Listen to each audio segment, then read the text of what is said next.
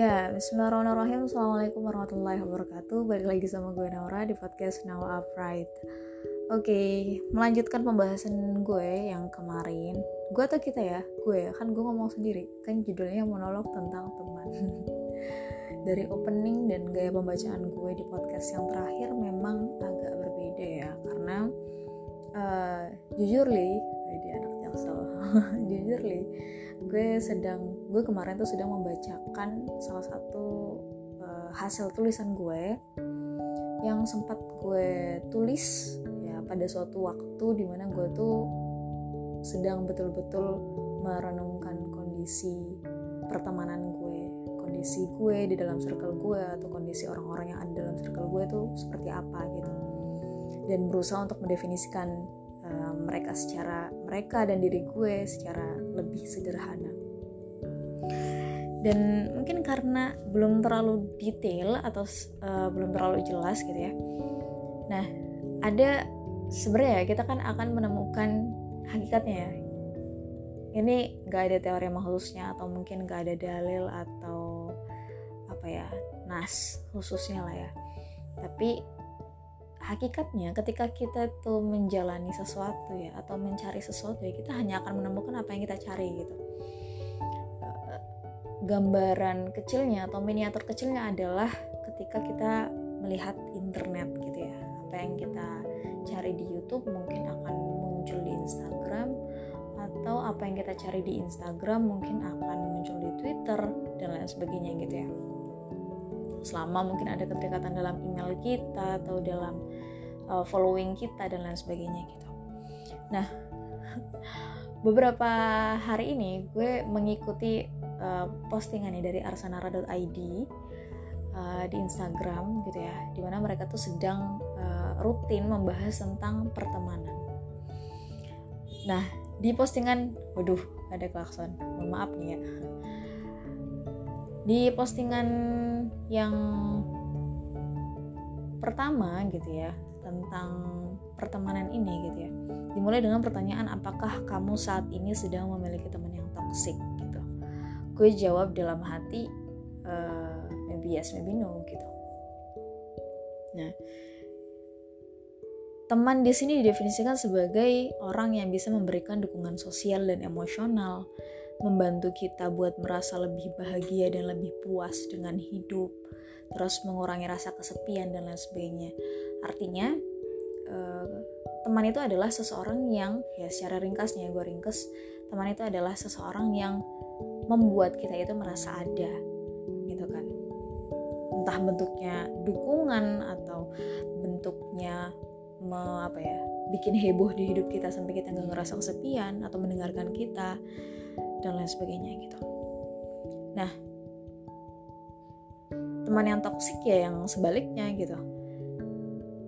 Dia yang ngehakimin atau yang apalagi membicarakan atau nyeritain masalah kita di belakang gitu kan. Atau nggak ngerti batasan dan lain sebagainya. Nah terus selanjutnya nih di postingan selanjutnya Arsa Narani menjelaskan tentang apa ya is it true gitu? Kalau misal semakin banyak teman dekat yang kita punya itu semakin bahagia hidup kita gitu. Nah terus dikasih dua pilihan tuh kan uh, is it true or false gitu. Nah di sini mereka tuh menjelaskan tentang perbedaan antara berapa nih? Empat ya. Empat digolongkan ke dalam empat nih. Kenalan kita tuh bukan kenalan ya. Circle kita tuh digolongkan menjadi empat. Yang pertama kenalan. Yang kayak orang-orang yang ya udah kita temuin aja basa-basi aja dan lain sebagainya.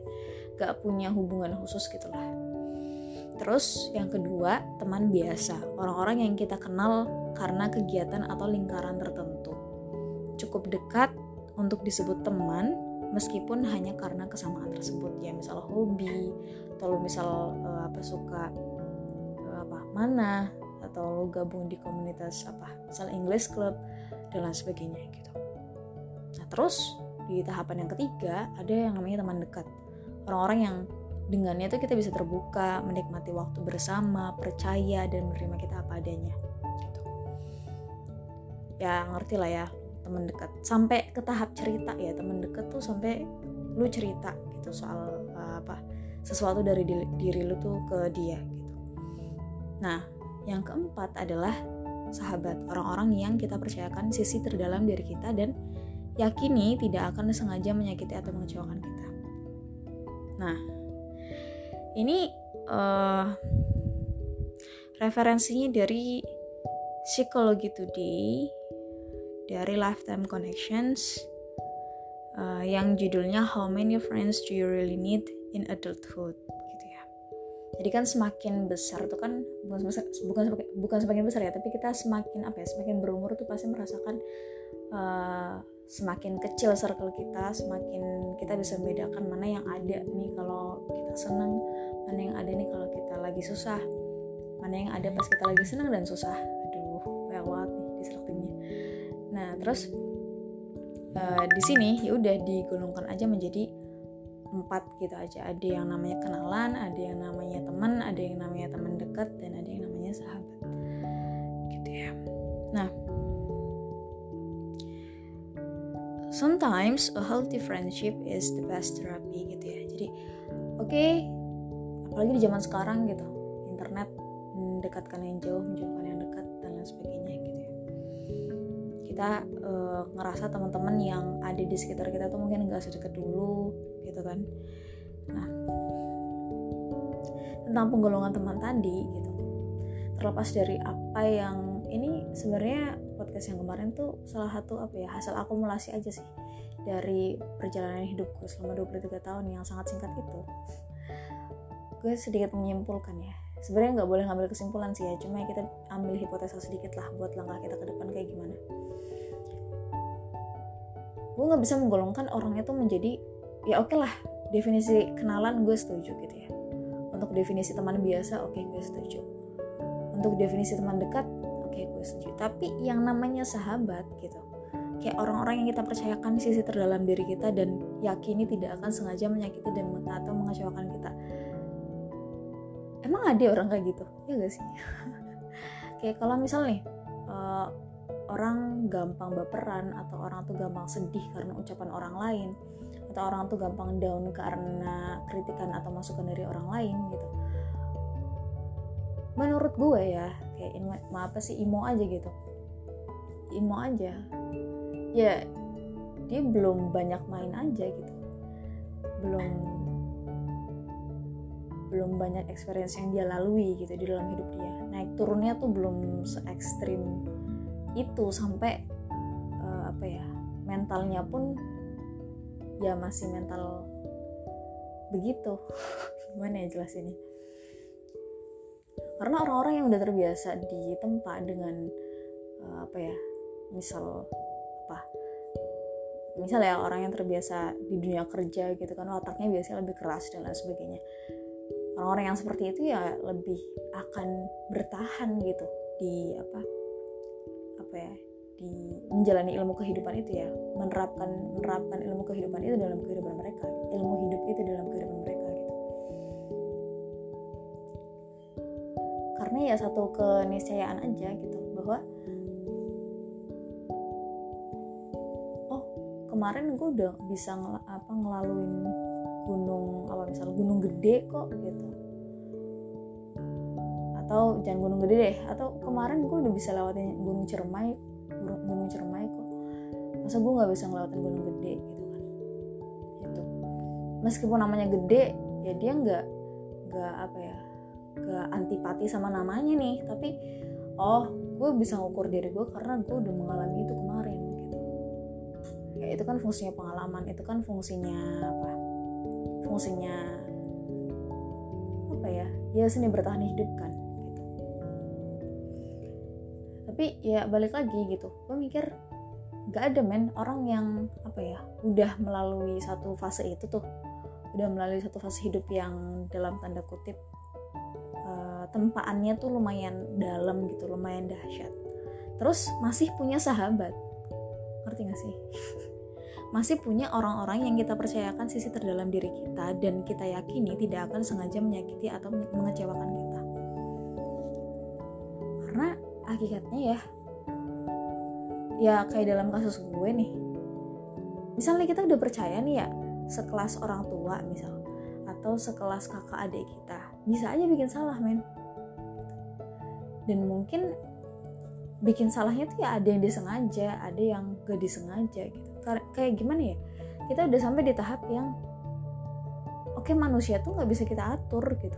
Manusia tuh nggak bisa kita kendalikan so ya kalau kita nggak bergantung sama diri kita sendiri ya udah sama Tuhan gitu. Sesimpel itu sebenarnya. Kayak definisi sahabat ya yang, yang dibikin sama orang-orang tuh gue masih nggak relate karena loh fase yang udah gue alami tuh nggak seperti itu gitu. Uh, kepercayaan kita tentang terhadap orang-orang yang kita percayakan sisi terdalam dari diri kita ya uh, kita yakini mereka nggak akan dengan sengaja mengecewakan kita atau membuat kita uh, apa menyakiti kita. Itu nggak ada di dalam definisi kamus orang-orang yang sejenis gue gitu. Nggak nyambung gue sama apa definisi ini gitu. Kalau kenalan oke okay lah gitu kan. Kita kita clear lah soal itu. Teman ya clear lah gitu ya.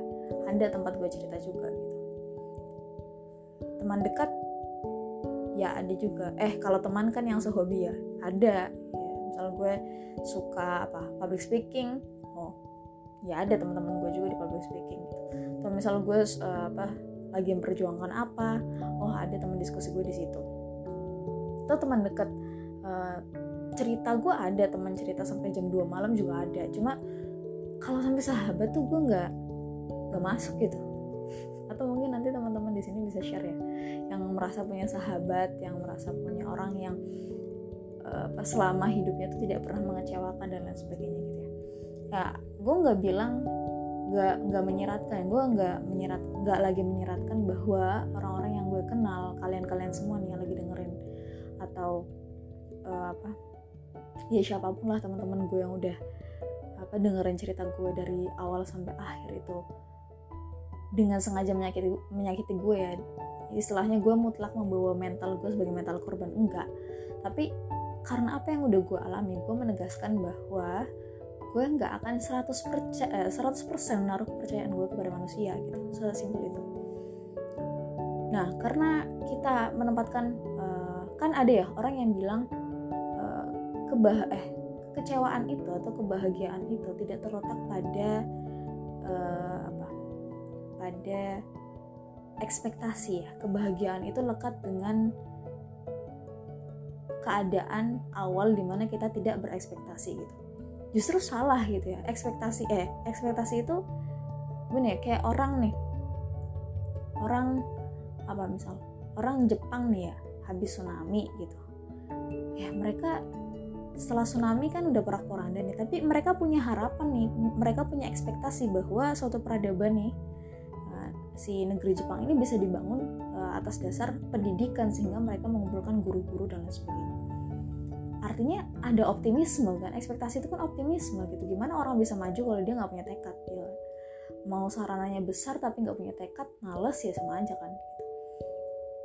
Jadi uh, justru kebahagiaan atau kekecewaan kita itu lahir dari ekspektasi kan. Nah, yang jadi masalah adalah bukan ada atau tidaknya ekspektasi itu tapi bagaimana kita menempatkan ekspektasi itu sesuai porsinya sesuai kadarnya bahwa ada loh hal-hal yang harusnya kita tempatkan pada manusia sesuai kadarnya karena manusia juga terbatas kan. Hidupnya terbatas pada ruang sama waktu gitu. Referensi mereka terbatas gitu. Sedangkan Tuhan enggak gitu. Ya kan? Nah makanya ya udah gitu. Apa-apa yang hal-hal yang sifatnya masa depan gitu sifatnya nggak kita ketahui meskipun kita sudah ukur dan buat indikator ketercapaian atau keberhasilan sekian persen gitu kan. Ya udah gitu di apa ya biar kita nggak stres nih jadi manusia biar kita nggak melampaui batas kita ya. Ya udah gitu. Uh, kita tempatkan ekspektasi kita yang sesuai dengan apa sesuai dengan kadarnya manusia ya kepada manusia gitu selebihnya gitu kan. Ibaratnya 0,00001 persennya ya udah serahin aja ke Tuhan gitu kan. Kayak hidup tuh kalau mau lempeng ya begitu gitu. Makanya kalau ditanya tentang apa tentang teman tentang sahabat ya lebih ke sahabat ya. Ditanya apa lu punya sahabat? Kalau misal gue hidup di zaman Rasulullah nih ya kan orang-orang yang istilahnya dijamin masuk surga nih ya. Gue bakal berpikir seperti itu ya gak sih? Kayak kalau ini orang soleh semua udah dijamin udah dijamin masuk surga gitu. Lah kita sekarang hidup di mana kan? Di zaman di mana fitnah di mana-mana terus apa keburukan itu di apa dianggap biasa gitu kan. Makanya gue nggak ngarep banyak sih dari orang-orang yang ada sekarang gitu. Pun dari diri gue ya uh, as long as kita sudah menempatkan ekspektasi kita sebaik mungkin kepada diri kita sendiri terus kepada uh, orang-orang yang jadi subjek eh yang jadi objek tadi dari kenalan kita teman kita teman dekat kita sama Allah ya udah cukup gitu. Kalaupun misal ada romantisasi kayak sahabat sesurga dan lain sebagainya ya nggak masalah itu pilihan mereka gitu. Tapi kalau gue ditanya gue punya sahabat apa enggak gue jawab enggak. Kecuali ada orang yang tadi uh, apa sesuai definisi yang gue jelaskan di podcast gue sebelumnya bahwa oh ya kalau dia bisa hidup 24 jam sama gue ngerti ini dari gue melek sampai gue tidur lagi terus bisa uh, apa ngoreksi gue tanpa bias gitu. Tanpa bias tanpa takut uh, tanpa takut ya atau atau tahulah caranya ngoreksi gue tuh kayak gimana tanpa bikin gue patah. Wah itu udah lebih dari cukup gitu. Meskipun ya nanti akan ada kondisinya juga ya di mana karena teman-teman itu kan ya gimana ya sahabat sahabat teman kenalan itu kan hubungan antar dua manusia kan antara diri lu ya kan antar diri kita sama dia atau mereka kan. Selama dianya itu nggak niat menyakiti tapi kitanya baperan kan masalah jadi sebelum kita mikir ini uh, apa temen toksik atau enggak kitanya mikir dulu kan kitanya toksik apa enggak gitu. Jadi sebelum mengklasifikasikan oh ini kenalan oh ini teman oh ini teman dekat ini sahabat ya kitanya dulu gitu. Kita posisinya nih buat dia nih apa nih? Gitu. Kita memposisikan diri diri kita tuh buat dia nih apa? Gitu. Itu sih. Jadi apa ya sedikit tips yang gue ambil dari Arsanara juga. Biasa ya harus dipancing dulu nih. Gue harus baca dulu. Ya mungkin ini salah satu petunjuk dari Allah ya bahwa ya tadi kita kita hanya hanya akan menemukan apa yang kita cari gitu kan. Ketika gue apa trigger sama uh, soal pertemanan ini ya gue akan ketemu sama konten-konten yang demikian gitu. Nah untuk menjaga pertemanan ini ya yang pertama harus keep kontak yang pasti ya. Apakah gue sudah melakukan hal demikian? Ya karena gue orang kaderisasi jadi mau gak mau harus keep kontak. Terus yang kedua adalah deep talk gitu ya. Kita perlu nih sama teman-teman yang kayak apa teman atau tem eh, teman deket ya lebih ke teman dekat kita melakukan deep talk dan lain sebagainya. Yang kita omongin yang nggak cuma hal-hal remeh uh, tapi mungkin ya biasanya jam-jam overthinking ya jam-jam jam-jam malam dan lain sebagainya misal kita ngulik buku dan lain sebagainya itu harus deep talk. Ada proses itu terus be present gitu ya. Jadi ya udah gitu.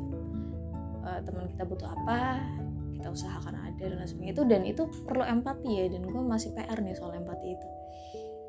Ya kita sama-sama belajar lah gitu. Be brave gitu ya. Jadi kalau ada komunikasi saat bicara dengan teman gitu ya itu kan wajar ya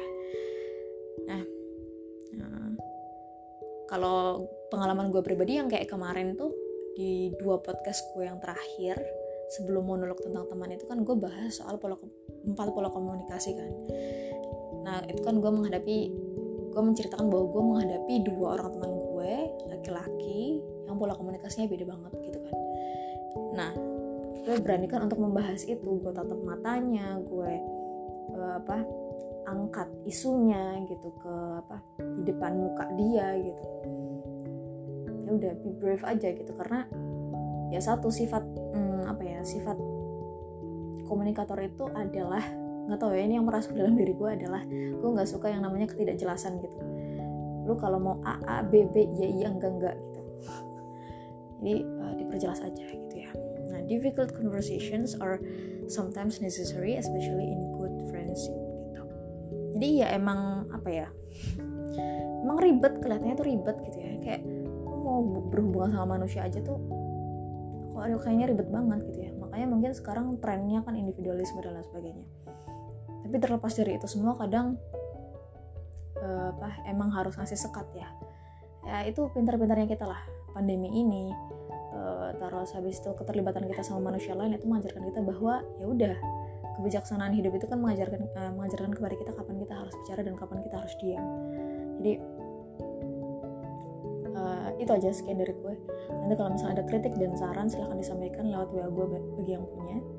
Terus instagram gue @naura @naura_nazif kurang lebihnya itu aja. Wassalamualaikum warahmatullahi wabarakatuh